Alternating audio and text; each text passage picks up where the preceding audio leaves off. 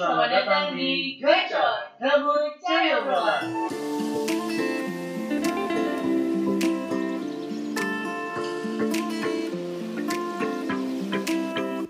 Sadar nggak sih kalau tengah malam itu sebenarnya waktu yang paling pas buat deep conversation?